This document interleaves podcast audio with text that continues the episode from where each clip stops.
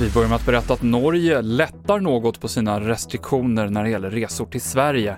Från och med 15 juli så tillåter Norge resor till Kronoberg, Blekinge och Skåne. Men för övriga Sverige, som gränsregionerna Värmland och Västra Götaland, så är det fortsatt 10 dagars karantän som gäller om man reser därifrån.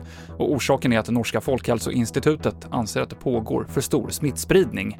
Kent Hansson är kommunalråd i Strömstad som drabbas hårt av de stängda gränserna.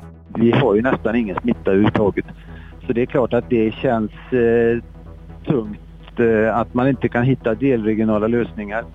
Och för våra företag, eh, framförallt de som sysslar med, med gränshandel, de, de lider hårt. Stor arbetslöshet eh, i det nu. Nu på onsdag så ska svenska UD komma med nya reserekommendationer. Det blev långa straff för två sprängningar i Göteborgstrakten förra året. Inga personer skadades vid attentaten, men polisen säger att det var väldigt kraftfulla sprängladdningar med flera kilo dynamit. Och nu döms en man till 13 års fängelse och en annan till 10 år. Bakgrunden till attentaten är en konflikt mellan grovt kriminella. TV4-nyheterna med Mikael Klintevall.